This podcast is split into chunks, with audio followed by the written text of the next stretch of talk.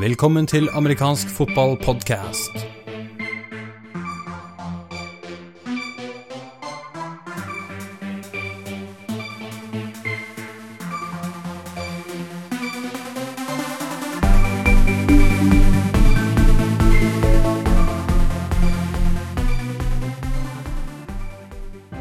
Velkommen, velkommen, velkommen til amerikanske amerikansk fotballpodkast episode 16.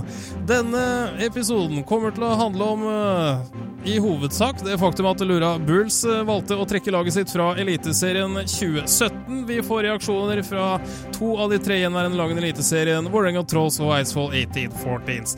I tillegg til det så har vi tatt en snakk med hovedtrener for eh, Bærums Verk Hauger IF Ironman, Arne Johnsen. Og vi skal også ta for oss hva som har skjedd i eh, aller første uke av NFL, som nå er ferdigspilt. Bare kjapt, Jarle Magnus, før vi setter i gang. Har du gjort deg noen tanker om hvordan Eliteserien kommer til å se ut til neste år? Jeg er veldig spent på det. Eh, for det første er jeg utrolig skuffet over eh, at et eh, lag nok et år tar turen ned, og det vet jeg at det er mange i området jeg bor i som også er. Så det skal bli spennende å se om det blir en miks hvor eliteserielagene, de tre som er igjen, spiller dobbeltserie f.eks., og at man har enkeltoppgjør mot de som er i førstedivisjon, noe i den duren eller om det blir en annen variant. Så jeg har nok en tro på at noe må gjøres for å sørge for at det er nok interessante kamper for de som er igjen i Eliteserien, for vi må, vi må tenke litt på dem nå. Da setter vi i gang. Da er vi klare for første periode av dagens sending.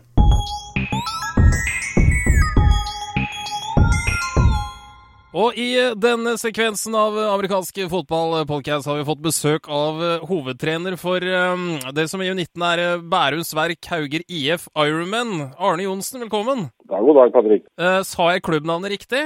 Johnsen, ja. Helt korrekt. Ja, Navnet ditt er Johnsen, men klubbnavnet? For vi ser jo bare at det står BVHIF, men er det Bærums Verk Hauger IF, er det korrekt? Det mener jeg bestemt er. Og du, du er ikke helt 100 du heller, nei? Det er ikke helt 100 jeg må innrømme. ja, men Det hadde man nesten forventet, da. Men, eh, men, du, vi skal snakke litt om det der. For du, de aller fleste av oss kjenner deg som den eh, store, høyrøstede, skjeggete treneren til Tønsberg Raiders. Men eh, akkurat nå, under 19, så er du da altså hovedtrener for BVHIF Ironman, som da er et, et samarbeidslag mellom tre klubber. Hvilke klubber er det? Det er jo Bærum, Tønsberg og Drammen. Nå er jo Drammen en relativt liten partner, fordi Drammen har jo bare et par spillere. Og de har jo vært der i prinsippet U17-spillerne som var med U17-laget til Bærum. fordi Bærum og Drammen hadde jo en samarbeid på U17. Så det er de samme spillerne kan si, som spilte U17 for Bærum, som nå er med på U19, da, som er gamle nok. Eh, så Hvordan, hvordan kom, dette, kom dette samarbeidet i gang? Altså, Hvordan fant dere ut at dere skulle joine og, og delta i U19 sammen? Det begynte jo i fjor. Begge laga har jo litt for få spillere til å klare å stille et eget lag. og Det er jo det viktigste, sett fra hvis jeg tar på meg litt sånn styrehatten, klart det er å skape aktivitet blant medlemmene våre. altså Det er derfor de er med. Og Den enkleste måten å gjøre det på, det er jo at to lag som nesten er nok, samarbeider og får et komplett lag. og Det gjorde vi i fjor. Da var det ca. det samme antall spillere, men da var det ellevemannsfotball. Og det gjør vi i år. og Da betyr det at du får et fullt lag da, istedenfor å liksom ha 14 på rosteren. og Hvis to er sjuke, så må du trekke laget. liksom, så Det er helt håpløst. og det, det er en god løsning, sånn at spillerne får muligheten til å være med og spille serien. Det er det alle ønsker. Absolutt, og det ser ut til å ha fungert uh, ganske godt. Vi er nå inne i den uh, andre, eller vi har nå spilt to serierunder i U19. Og vi har tre ubeseirede lag. Det er Vålerenga Trolls. Det er uh, Gud bedre Eidsvoll. Takk, Eidsvoll 1814s, og det er uh, dere da i, uh, i Ironman. Hva, hva syns du om nivået så langt? Nå har jo dere vunnet en kamp med store sifre, og så hadde dere litt knappere kamp dere vant nå i Trondheim med, med 18-14 på, på, bortebane i, i Trondheim. hvordan, hva syns du om nivået på det du har sett hittil i år? Nei, Det er jo som i Norge generelt, og spesielt på de aller prosente lagene. Det er jo en veldig stor forskjell. Det er klart Vi har én divisjon. Og det er noen lag, altså hvis du ser på Vålerenga, som jo sett fra mitt ståsted er den soleklare favoritten til å vinne, vinne hele NM-gullet. Klart de, de, er på et helt, helt annet nivå enn det Lillestrøm er. Det er på en måte dessverre litt sånn det er når det er en liten idrett og alle skal spille i en divisjon. så Det er liksom ikke så mye for gjort noe med det, men det er klart det er en enorm forskjell. Vålerenga har jo et lag som er masse spillere som har spilt i Eliteserien, masse som har spilt i masse. Det er, klart det er, det er veldig stor forskjell på lagene her. Og, så Det er bare noe vi må forholde oss til trenere. og prøve å gjøre det beste ut av det på alle mulige måter. Tilbake til egen, egen klubb. da. Dere, dere, er jo da tre, tre klubber som samarbeider og, og blir ett lag. Hvordan, hvordan, foregår det rent praktisk? Altså, hvor, hvor, trener dere? Hvor ofte? Hvor møtes dere for å, for å på en måte forberede dere til kamp? Ja, det, er, det, er, det har vært litt forskjellig de to siste åra. I fjor så hadde vi flere camper enn vi hadde i år. Så i år har vi hatt bare én felles camp hele laget, og så har vi hatt noen minicamper med noen av posisjonene. Det vi ikke helt har bestemt, det er liksom hvor mye fellestreninger skal vi ha i sesongen. Det er jo litt avhengig av hvordan det går. Nå skal vi ha én fellestrening på offens nå til frihelga vår. så det er klart, det, Du får ikke den samme gode treninga som når alle møter opp på samme ettermiddag og får kjørt gjennom ting. Så det må bli litt sånn ad hoc og litt lange pregames og sånne type ting. Men det som er fordelen sett fra våre, vi som er trenere, det er jo at vi har jo veldig mange spillere her som har spilt relativt lang tid.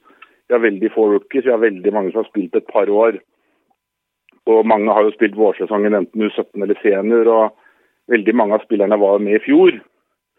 Eh, og vi har en del som har spilt relativt mange år, da, altså de har spilt en fire år, som er relativt mye i Norge på dette nivået. Så sånn sett så, så føler vi at vi får et noenlunde gjennomarbeida kampplan, selv om vi får altfor dårlig tid da, til å trene på det. Men da er vi tilbake igjen. Det er mye mye bedre enn alternativet at man sitter hjemme og ikke er med i det hele tatt. Det er jeg helt, helt enig med deg i. Men hvis jeg oppfatter deg riktig, da, så har dere ikke ukentlige felles treninger sammen?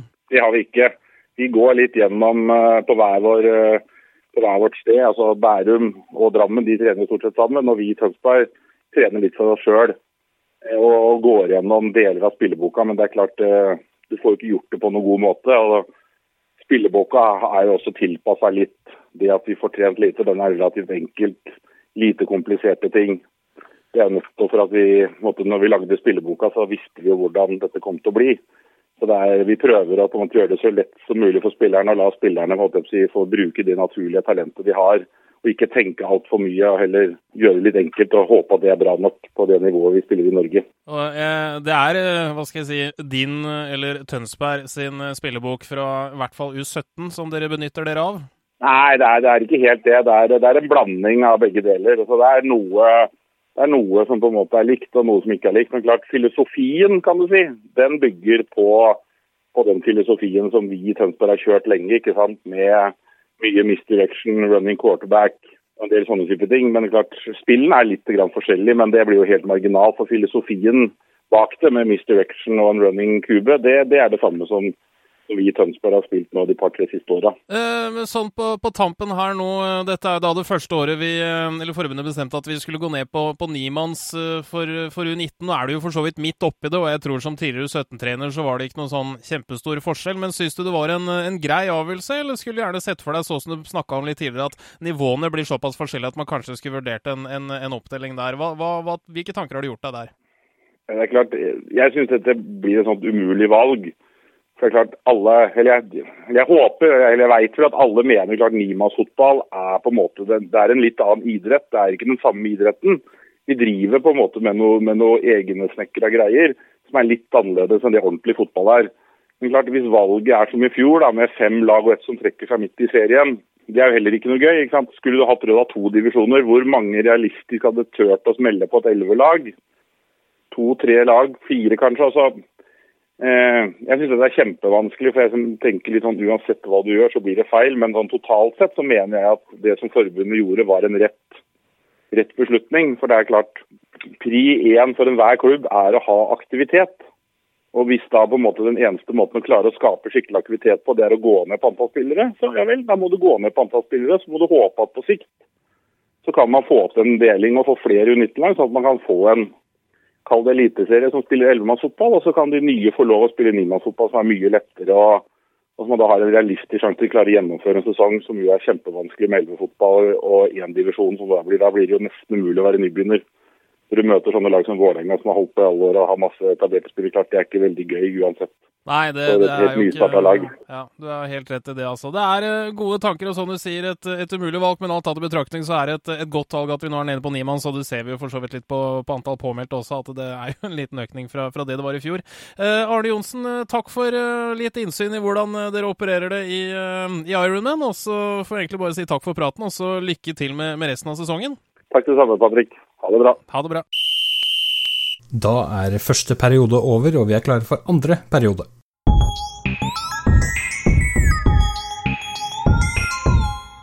Og vi fortsetter videre her i eh, amerikansk fotballpodkast. Og i eh, forrige uke så traff eh, nyheten oss om at Lura Bulls ga beskjed til forbundet om at de ikke kom til å stille lag i neste års eliteserie. Etter at de måtte trekke sitt U15-lag, så har de da ikke lov å hente inn importspillere til sitt lag, og ser da ikke anledning i å konkurrere i Eliteserien 2017. Med meg nå har jeg Simen Christensen, leder Vålerenga Trolls. Velkommen. Takk skal du ha. Eh, leder Vålerenga Trolls, men også aktiv innenfor forbundet gjennom mange år. Og til din overraskelse så sitter du der enda, som vara i kontrollkomiteen. Eh, Ja, du måtte minnes litt på den, men du sitter der enda. Ja, det er jo en litt sånn ikke så aktiv rolle, kan du si. Eh, Så, det, så jeg har jo ikke så veldig mye med beslutninger som tas der å gjøre lenger. Men, eh, men jeg har jo vært involvert i disse diskusjonene mye opp gjennom åra. da. Det har jeg jo, jo vært. eh, Ja, blant annet en del av de tingene vi sikkert kommer inn på nå.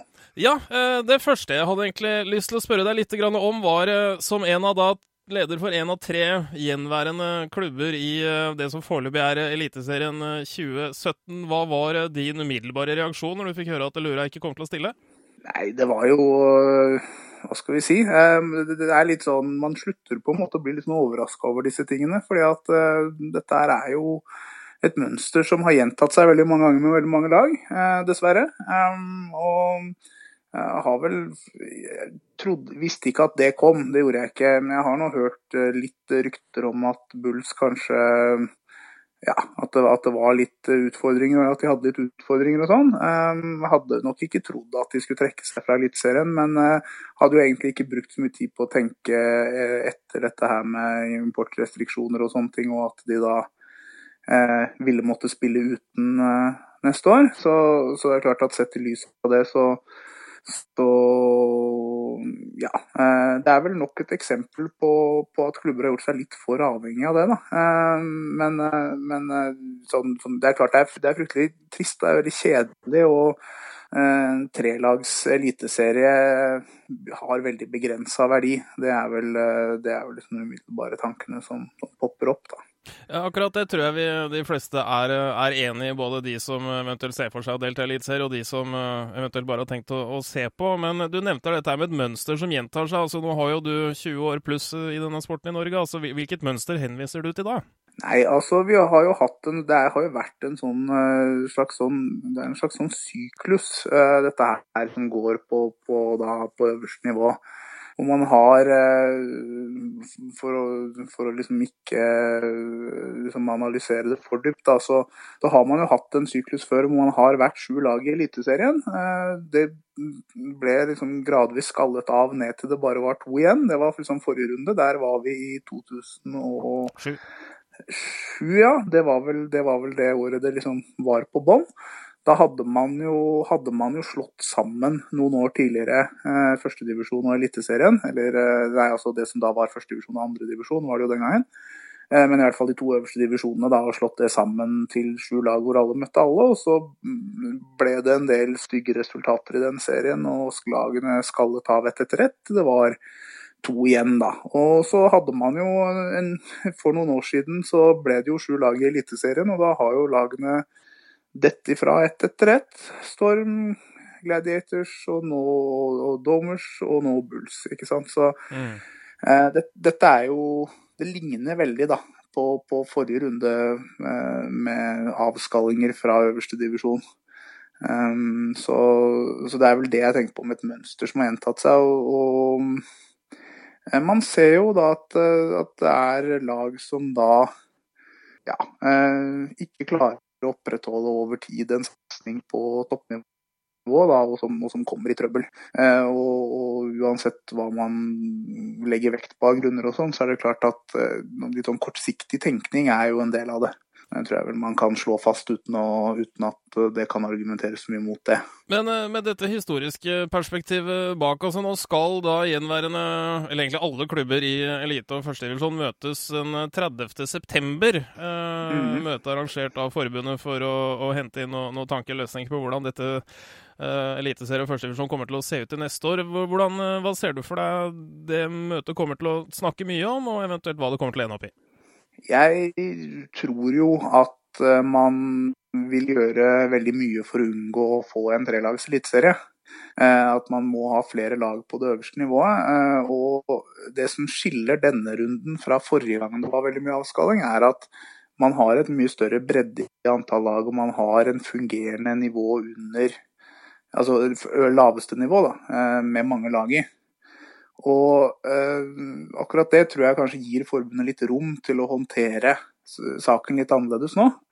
Eh, og jeg vet ikke helt hva utfallet kommer til å bli, men eh, man kan se for seg ulike ting. Man kan se for seg at man på en måte slår sammen førstedivisjon og eliteserien, eventuelt at noen dag da eh, kanskje går ned til, til nimannsfotball, at man får en større eliteserie, at man gjør da noen grep Eh, i forhold til det for å gjøre det spiselig for alle lagene som må spille mot hverandre. Eller man kan se for seg at man beholder dagens struktur med førstedivisjon og eliteserie, men da at det blir noen stokkinger på hvem som er i Eliteserien, at man da tar opp noen lag fra førstedivisjon. Kanskje, kanskje ikke man tillater at Bulls spiller i førstedivisjon. Det, det er jo jeg, jeg, vet ikke, men, men men det er, ikke, det er jo ikke, gitt at lag får velge fritt hvor de skal spille, egentlig.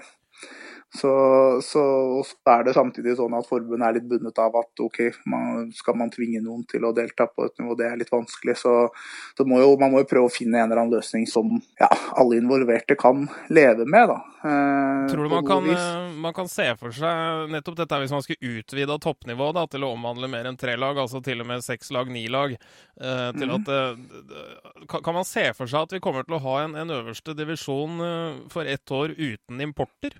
Altså, For vår del så er det jo, er det jo veldig greit å, å, bli med på det. I hvert fall for at vi har jo noen importer. Så sånn sett så, så, så er jo det liksom veldig lett for oss å si ja til. Spørsmålet er jo hva alle andre mener om det.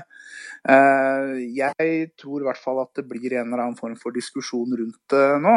Eh, om det, det finnes jo varianter av det. Man kan se for seg at man reduserer eh, antallet fra to til én f.eks. Det finnes noen kreative andre varianter. Man kan si at en quarterback ikke får lov å kaste ballen altså en en import ikke får kaste ballen framover. ikke sant? Sånn de der, ja. mm. Det finnes masse varianter som man kan teoretisk sett se for seg. Jeg vet jo ikke helt hva som kommer. men eh, jeg, hvis man skal på en eller annen måte involvere lag, da må man si ok, hvem er det? da eh, Enten så er det jo da på en måte store deler av førstedivisjon, eh, eller så er det jo da kanskje de, de to beste lagene, da. Eh, eventuelt det beste laget. og Det vil jo da si Dommers Åsane i den rekkefølgen, ikke sant. Mm. Og så og så vet jo ikke jeg helt hva slags eh, løsning man kommer til å ende opp på, men jeg, jeg, tror det er sannsynlig at denne type ting blir diskutert rundt hvordan, hva som må til for at flere lag skal være villige til å spille i en sånn serie. Da. Jeg lurte på en sak. Sånn, er det eh, Forbundet vårt, Knife, vedtok jo kriterier for hva som skal kunne kalles et norgesmesterskap som skal gjelde nå fra og med 2017. Mm. Det ble vedtatt på forbundsstyremøtet i mai. Og mm. for idrett for vår del så tilsier det at hvis det er færre enn fem lag med i en serie, så kan det heller ikke kåres en eh, norgesmester. Tror du det er noe som kommer til å veie tungt? Um, jeg har ikke hørt det elementet så mye i diskusjonen tidligere, men det er klart at man, man, må, man, man må jo da enten revidere det synet der, eller så må man gjøre noe grep i amerikansk fotball for å kunne kalle det vi driver med, et norgesmesterskap. Um, for meg så blir det kanskje en litt sånn nære eh, teknisk definisjon. For det er klart at man, man, om man har en trelagsserie, så vil jo er det jo vesentlig flere lag som deltar i seriesystemet. Sånn at, eh, sånn at eh, det er mulig man kan, at man vil komme rundt også den tekniske definisjonen der, men, men eh, jeg tror hovedpoenget her er at tre lag er en fryktelig stusslig eliteserie som ikke gagner sporten på noe vis. Så man må gjøre et eller annet grep for å, for å ha flere lag enn det i Eliteserien. Og da, da, blir det jo da å se på hva, hva slags grep det kan være. Om det er om det er noen form for lemping på kravene, eller, noe, eller, eller, om det blir importdiskusjon en gang til, eller hva det blir, det, det er vanskelig for meg å si 100 sikkert her og nå. Men et, og jeg, jeg, tror liksom at alle eh, de tre gjenværende eliteserielagene bør jo eh, være interessert i å ha flere enn 200 lag å spille mot i sesongen. Um, ja. det, det, vil jeg jo tro er uh, tvinge fram at man i hvert fall ser på hvilke muligheter som finnes. da. Ikke sant, Se på ting med et litt mer åpent sinn enn uh, man kanskje har en tendens til å dra fram når diskusjonen blir så mest opphetet. Men uh, Simen Christensen, uh, Vålerenga Tross, tusen hjertelig takk for litt innsyn i i prosessen framover nå, så kommer vi sikkert til å snakkes igjen når ting har landet litt mer på plass, og, og se hvordan ting ser ut der. Så Simen, takk igjen. Jo, takk for selv, Takk. Andre periode er over, vi er klare for tredje periode.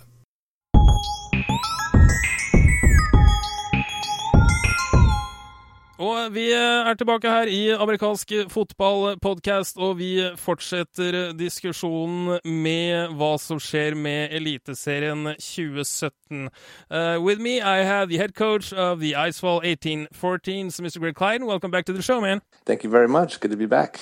Um, as you know, uh, the Bulls uh, gave us the message last week that they were pulling out of the uh, Elite Series for uh, 2017 due to the fact that they had to pull out their second junior program and therefore would not be admitted to have uh, an import player for, for next year. I just wanted to ask you, what were your immediate reaction to it, if you can remember? Well, my immediate reaction was, uh, you know, what do we do with the, the elite league? You know, we've uh, the last three years, you know, we've we've been losing each a team each and every year, and so then I started thinking, you know, gosh, this uh, this makes it really tough because at the end now, then we were left with us, the Vikings, and the Trolls. So it leaves you know me and my my team in a tough position, understanding, okay, what can we do to continue to work towards our goals. You know, it's hard to, to convince people to come out and play for you when it comes to, uh, you know, league scheduling. And you're like, okay, well, we only have two other teams that we're going to play against. And then, you know, try to sell that into to sponsors and things like that. It makes it where it's a, it's a tough uh, situation for the, for each and every team that's out there. So when I first heard about it, it was like, gosh, okay, how can we, uh, how can we try to, to get this thing fixed? And have you come up with any answers yet? Uh, no. well, it, it, you know, it's a tough situation, you know, because uh, you know, obviously they're they're in a tough spot them, themselves, and you know, I think it's a it's a hard thing for their their players and their organization to come to that thought to say, okay, hey, that we're going to pull out. So I think it's uh you know, it's a thing that everybody needs to come together and try to find a solution that's going to be positive for each and every team to, you know, to continue to progress football in Norway and going towards, uh, you know, making it where it, it is a big deal because American football is starting to gain gain speed here, but then there's always a, a, setback that happens each and every year. So it's like, gosh, what can we do to continue progression and not constantly take steps back? Well, talking about that, because you know the the, the top division, uh, whatever the name has been over the years, has been steadily declining now. Uh, again, with the Bulls now pulling out, not the first time a team has pulled out, but you know, kudos on them. They they let us know early, so at least we we could adjust to it. But why why do you think that is? If I could ask you to just speculate. Uh, you know, obviously, there's uh, it's it is tough to get things uh, going. You know, it takes uh, extremely uh, like amount of resources to make uh, these organizations and club go around. And I know for us, you know, we were basically in the same position the Bulls were in, uh, you know, four years ago. At that time, all we had was a senior team, and you know, rules started coming in where you had to have a junior program to, you know, to to stay in the top league and to have imports. And obviously, at that time for us too, having imports were an important thing uh, in our club's history. And so, you know, we were we made a farmer deal at that time uh, with the Trolls, and that allowed us to the next year to have uh, our imports. But it also forced us in a situation where it was like, okay, gosh, we need to we really need to make a conscious effort to to build up this team, to build up this organization, so that we can cause we can give back and you know fl- uh, fill up our team in the future. Um, and so that's what you know. I, I made a, a plan uh, with, along with the club three years ago to start our junior program from U15, and uh, we built it up from there. And I knew right away that that first year we were at that we had the amount of age group where the following year we'd be able to still have U15 plus a U17 team. So you know, and you know, it was a big thought process behind the whole the whole thing, where it was like, okay, we got U15 now, then the following year it's going to be U17 as well, and then the year after that it's going to be all all three of them, and that's what that's where we are right now in this uh, progression. Do you think that the rule changes that, that came in place uh, helped spark, you know, the, the, the sort of commitment to the junior program? Uh, I'm not saying it started because obviously it's not a new thought, but that it No. sort of set forth the motion. Well, it definitely you know made it where it's like, hey, this is what we want to still be able to do, then yeah, we got to do it. And so, you know, we just were like, okay, that's we got to go all in. And uh, obviously, you know, when you get to a point too with your senior team, you you know those guys stop playing, and then it's like, okay, where do you where do you look to? And you know, obviously, everything comes to comes back to the youth program, and you know, with the, the kids that we are the the the team that makes up our senior players right now it's uh, those are all the kids that uh, grew grew up throughout our entire program. So we do still have like a little a little gap there from us missing uh, having a junior program for three years. And you know we're still a few years away from really filling that up into the senior program but you know more importantly it's about getting you know just giving an all around opportunity for people in your community to be a part of football and i think that's a lot more fun you know than just focusing on uh, a senior team you know to be able to build something and you know to have your your club have a commitment to the community. It's uh you know it makes it all worthwhile What what is it about? Um, because when, when when the news came out, the Bulls were pulling out. It started a pretty heated discussion on the uh, on football.com uh, Facebook page, like it always do, uh, when it comes to, to imports. What, what is it about imports that, that or the discussion around imports that always sparks such a debate? You know? Well, I think uh, one of the biggest things is uh, what are you getting imports for? Uh, I think that's a really important question to ask. Um, you know, are we are you getting imports to to win championships? Is that the most important thing in your club, or are you trying to get imports to to kind of help round out your club and you know become a positive influence with uh, you know your your junior program? And for us, you know, three years ago we made a commitment to with our import selection to not bring over an American quarterback and you know to really develop uh, our local quarterback and we were like hey, that's our that's our goal you know we don't want to have we're not looking for imports to only to try to win a championship it's uh, that that goal went out uh, some years ago you know we wanted to bring in the best guys that we could possibly have that were positive that can help uh, coach with the junior program and also help coach with the senior program and just really leave a lasting impression. Uh, you know, when I first got here 10 years ago, it was all about European tournaments and let's win. You know, that was the whole goal with the, the import process. And, you know, when I look back on it, it was, it's not the way that I think is the, that's not the important part. You know, that's not the way that teams should, uh, you know, look for short-term su- success by having imports. It's about, you know, what can we do to make this club a positive thing, you know, and like for us, you know, last year we only had the one import and you know that's all that we're we're thinking about for the future too because in the end we would like to be able to not be reliant on uh, having any americans over here. We that we were able to build up from our youth and continue to have a competitive football team by having all local players. And you know the guy that we've had this uh, we've had him for four years and you know for us we don't see him as an import we see him as a local guy. So i think that the biggest Local guy with is, major skills. Ma- the local guy has the major skills. It, it was, his, you know, built himself into the family here, and you know, but I think the whole debate comes down to okay, what are we getting imports for, and why are we going to spend all these resources on it? Because it is, you know, it's a lot of money that it that it all comes down to. It is a lot of money, and that's you know my, my view on it. Uh, just to make that clear to to anyone listening, um, I, I don't I don't have or I don't think the sort of anti-import people have any against anything against imports per se. It's just the amount of resources that go into getting that sort of one guy, two guys for what you basically call a short-term answer for a long-term problem, uh, and and that doesn't doesn't work out a lot. But still, you view imports or that one import uh, as a positive, and you would uh, we've talked about this before. You you would probably view it as a step backwards if we didn't allow imports at all. you know, it's a tough debate because you know you obviously look at the trolls who are doing things. You know, they're doing things right. You know, they've uh, they've really committed themselves to being a non-import team. The progression is showing. You know, those all those kids right now that are youth 19, they've been uh, you know they've been with Scott since he he got here. That's his first class of guys, and it's something that's you know build them into a long-term team that's uh, extremely successful. And you know, for us having the one import, you know, we obviously we'd love to have Riley here, and I think you know not having you know, it's a, it's an elite league, and so you're obviously you're trying to, um, you know, there's other these other teams all throughout Europe, you know, in the top division, they're all trying to compete, and it's, you know, I kind of think of that, think of it in that way, where it's like, hey, if we're going to call ourselves the elite league, then we should be able to be, you know, competitive against anybody. And obviously, if you are looking forward to maybe wanting to try to get into European tournaments and things like this again, you know, obviously having to have uh, imports is going to be one of the criteria for you to be successful uh, against those other teams. Speaking about uh, next year's elite divisions, I mean, all the um, the three teams left in the elite division and the Division One teams are going to meet up on the 30th, and you're probably going to have a pretty lengthy debate about what you picture yourself uh, the the 2017 season looking like. But if we just uh, sort of make make a thought here, what would your view be, view be if we had a for one year an import free top division in exchange for more games against more teams? Well, obviously, that is probably the the smartest thing to do uh, because you're looking at having, you know, hopefully somewhere between six to eight teams if you were able to combine all the the teams together, and that's you know playing games is obviously what's going to develop guys. Um, I think it is in certain aspects a, a, step back because it's you know there's been a lot of things that are constantly happening where we're constantly regressing, and it's like when are we going to take a, a standpoint as well to say, hey, no, we got to we got to go forward.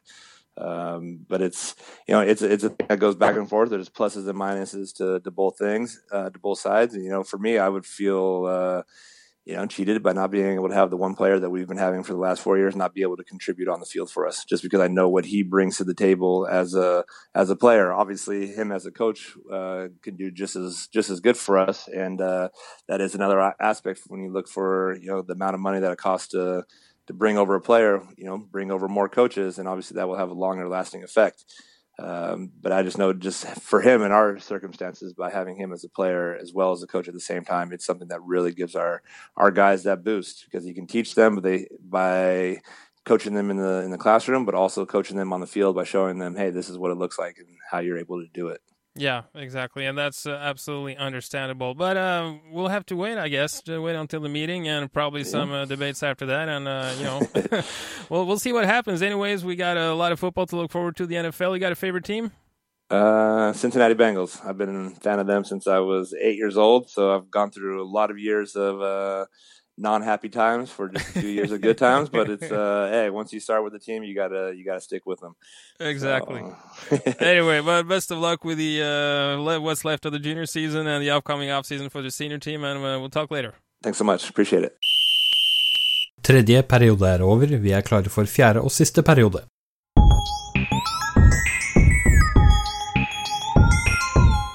Og da gleder vi oss her i amerikansk fotballpodkast over at NFL endelig er tilbake. Første uke i NFL er nå ferdigspilt, og vi skal ta for oss noen av de såkalte storylines fra kampene som har gått med meg. Jarle Magnus Henriksen, redaktør av fotball.com, velkommen. Takk for det. Og bidragsyter Eivind Sommerseth, velkommen til deg. Tusen takk. Da skal vi se. Det absolutt viktigste som har skjedd nå, er jo da at NFL er i gang, og det er vi jo selvsagt kjempefornøyd med. Uh, meget viktig observasjon som jeg har vært med. Det ser ut som Skjegg er tilbake på coachingstaffen. Er det kun jeg som har sett det? Da må du utdype det. Uh, Bruce Arians, helskjegg. Mike McCarthy, helskjegg. Ja, vi sparer vi også, så, den, det, så det er derfor dette, dette, må vi legge merke til som en sånn derre knyttneve opp i været for uh, mer skjegg. Men uh, utover det Det var uh, Så det ikke blir sixpence på hele gjengen, for da, da må vi ut og kjøpe noe vi ikke har. altså vi kanskje egentlig ikke har lyst på heller. Nei, det stemmer. Det var jo en del jevne kamper som ble spilt. Seks av kampene ble avgjort av altså innenfor to poeng eller færre enn to poeng. Ettpoengs margin, Jarle Magnus. Er det tegn på Eh, kvaliteten i eh, denne proffligaen vi liker så godt å følge, eller er det litt sånn førsteukenervøsitet? Nei, eh, NFL har i mange år hatt uh, den situasjonen hvor det, hvis du ser på snittforskjell i, score over en sesong, så er det ekstremt jevnt. Så det, det er jo uh, alt dette med salary cap og, og, det som er gjort for å holde det jevnt. Uh, godt kommunistisk konsept er inne i NFL her. ja. det, det, det, passer fryktelig godt til å skape en jevn og spennende liga, nå som vi savner store deler av Europa for øvrig. Eh, men jeg har sammenligna litt sånne tall opp mot NFL, og der er det Du skal få lag i en europeisk liga for at det skal bli like jevnt eh, ofte. veldig interessant å se at uh, noen av de lagene som vinner stort, er lag som du på ingen måte hadde forventet at skulle vinne stort, som f.eks. Fort Niners med 28-0 over Los Angeles Rams. Ja, Hva forteller det oss? Er 49ers på vei opp, eller er Rams virkelig på trynet dårlig?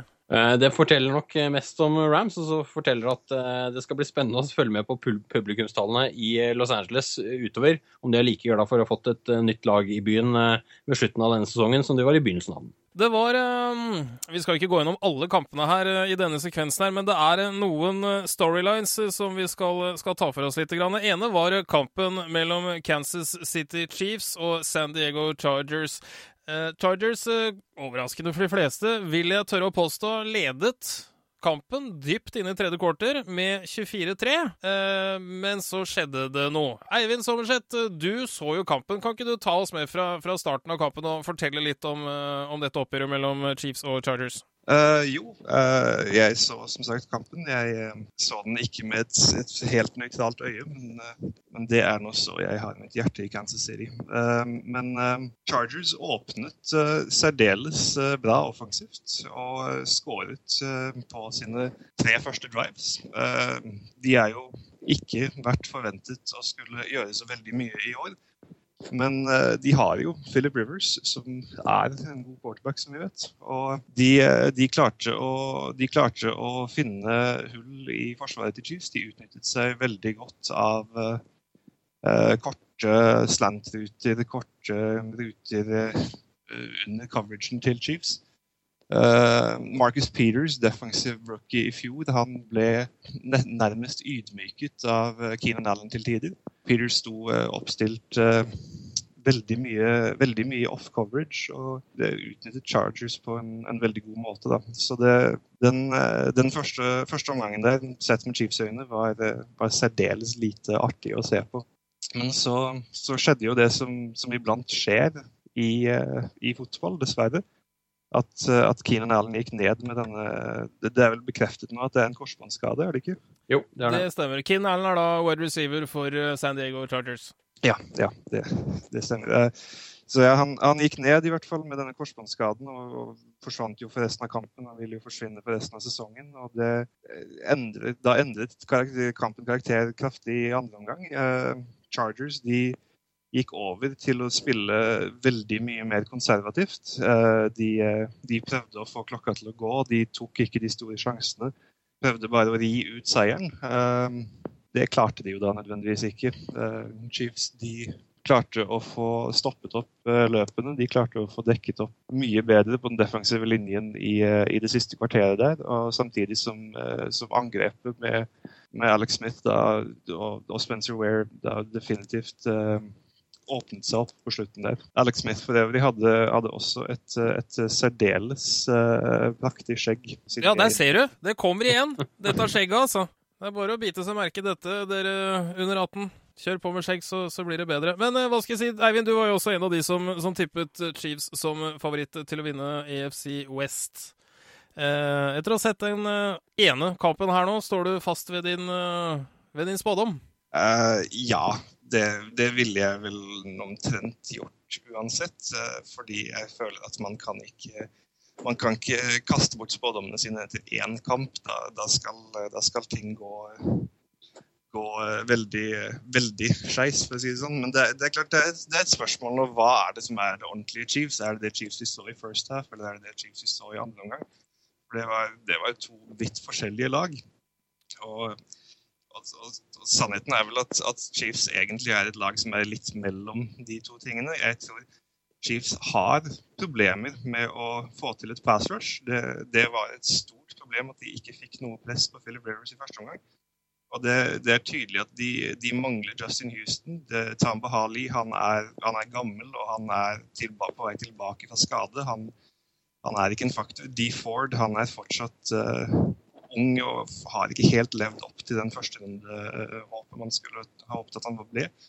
Og, og, og, og, Forsvaret lider under det faktum at det er ikke noe fast rush der. Da, da, da klarer de å utnytte det at Chiefs har en, en ung og uerfaren defensiv backgruppe. Men, men, samtidig så, ja. Ja, ja, nei, altså samtidig så, så, så, er jeg trygg på at laget er bedre enn det man så i den første omgangen. der, at Det var, det er ikke det som er det man skal forvente av Chiefs i år. Den uh, andre, hva skal vi si, storyline Jeg har liksom ikke noe godt norsk ord for det, men det dukker vel kanskje opp etter hvert, som vi skal ta for oss. Det var um, Robert Griffin den tredje, for det er viktig å ha den tredje. Uh, var nå tilbake på banen for første gang på litt over et år. Ble tradet til Browns i offsiden etter å ha tilbrakt de første tre årene i Redskins. Han spilte jo ingenting i fjor, og det var mange som så fram imot uh, RG3, som han også kalles, sin retur på fotballbanen. Men den gikk vel ikke helt som forventet, Jarle Magnus. Kan ikke du fortelle oss litt mer om det? For det første så spiller han på Cleveland Browns, og, og som vi sa før sesongen begynte, så er Browns er fremdeles factory of sadness. Og det fikk vi bevist i denne kampen her også, at det ikke helt henger med. Nå har vi snakket litt om, om kampen i for, forkant, Patrick, og du var vel inne på at det så litt ut som et college-lag mot et profflag. Derav Browns var college-laget, det er helt korrekt. Ja, og det, det, er nå sånn at Griffin, den tredje, blir skadet helt på slutten av kampen. Før det så har han liksom ikke overbevist noen. Jeg tror det var eh, Han hadde 12 av 26 for 190 yards og en touchdown. Eh, beklager, var en interception. Riktignok på en tippet uh, fotball, men det er en grunn til at den ble tippet. Mm. Uh, av det så kan det jo nevnes at uh, 10 av 24 var egentlig for 88 yards, og så hadde han to lange pasninger, som utgjorde mye av uh, yardsene her. Sånn at, og hvis vi ser på third down, så var det vel to av ti, tror jeg som var eh, completions. Sånn at det er noe her å virkelig hente. Eh, han har alltid hatt fordelen av at han også kan løpe, men ulempen med det er at i NFL så møter man spillere som, som smeller på. Og, og, som også kan løpe? Ja, de er litt sånn halvraske, de aller fleste, uansett, uansett, vekt, for å si det sånn. Ja. nå var det et spill hvor han, han har blitt instruert i at han skal løpe ut av banen, og legge seg ned hvis han havner i en situasjon som holdt på å bli en takling med, med hits og sånne ting. Og han var på vei til å løpe ut av banen, men så er det Titan Gary Barnage.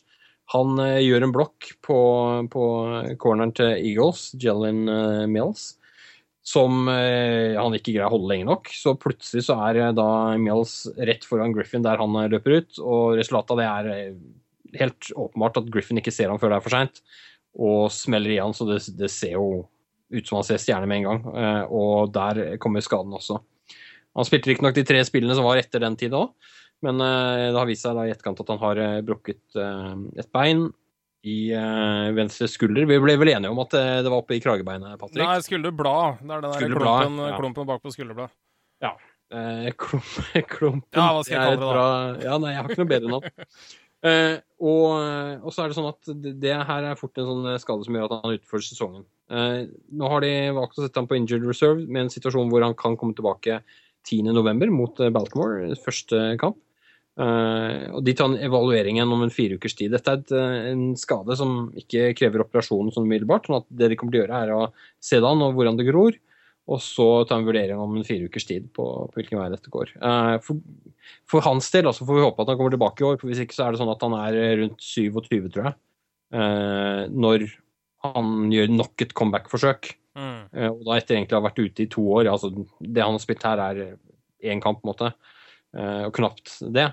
Sånn at uh, da begynner det å spøke for om dette blir noe mer enn skade, skade, skade. Som det også var uh, Han fikk en, et korsbåndskade på college, og så har han hatt en korsbåndskade i NFL, og så kommer dette her og, og... og nå er det skulderklumpen? Nå er det skulder, skulderklumpen, det er riktig. Og da begynner det å bli alvorlig, det vet vi alle. Sånn at eh, Cleveland må jo tenke seg litt om.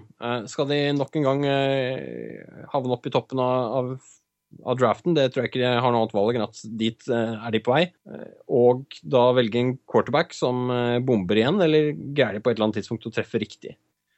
Så det skal bli spennende å se om det er de som velger Dishon og Watson når vi kommer så langt. Mm.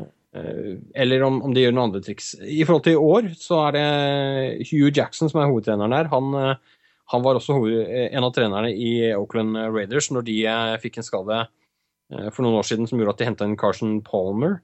Uh, og Det gikk ikke så veldig bra i, i Raiders, så han har, har, vel allerede uttalt at nei, vi skal ikke drive på og trade til oss folk. Uh, skal bli spennende. Det er det første du sier når du trader, da, så det er sagt. Ja, det er én ting. En, en, annen ting er at han får noe fort denne fleisen av personellansvarlige der, tenker jeg. Uh, fordi det de har på backup, er Josh McCown. han, han kan nok gjøre en grei jobb, men han kommer til å trenge ting som funker rundt seg. Og så har de to backups bak han igjen, som er henholdsvis Cody Kessler, draftet i år, og Kevin Hogan, udraftet i år. Men begge spennende spillere som jeg skulle likt å sett i NFL. Men å bli slengt ut til løvene for Cleveland Browns nå, det tror jeg liksom Det, er, det, det unner man ingen, er det du prøver nei, å si? Du, du begraver karrieren før den har begynt. Ja, ok. Så det er bra. Fortell oss hvordan du egentlig føler det, Magnus. nei da. Nei, men det var eh, egentlig det vi, det vi hadde å, å, si om eh, NFL i eh, denne omgang. Um, noen mer interessante ting sånn å ta opp helt på tampen, Eivind? Uh, det er mye som kunne blitt sagt om denne runden her. Jeg syns det har vært en, en veldig god og, og, spennende første uke. Men det er klart at, eh, at vi er vel på en liten tidsbegrensning her. det er vi helt korrekt, og takk for at du minnet meg på den. Da er vi ferdig med dagens sending av amerikansk fotballpodkast. Jarle Magnus Henriksen, takk for at du kom. Takk for det. Og Eivind Sommerseth, takk for at du tok deg tid til å ta et lite besøk. Takk.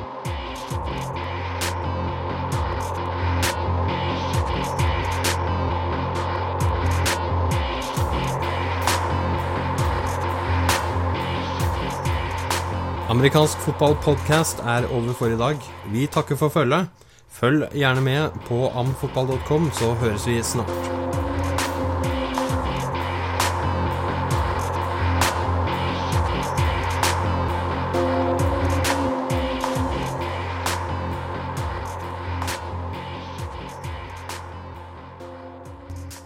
Y'all don't even try to help me up.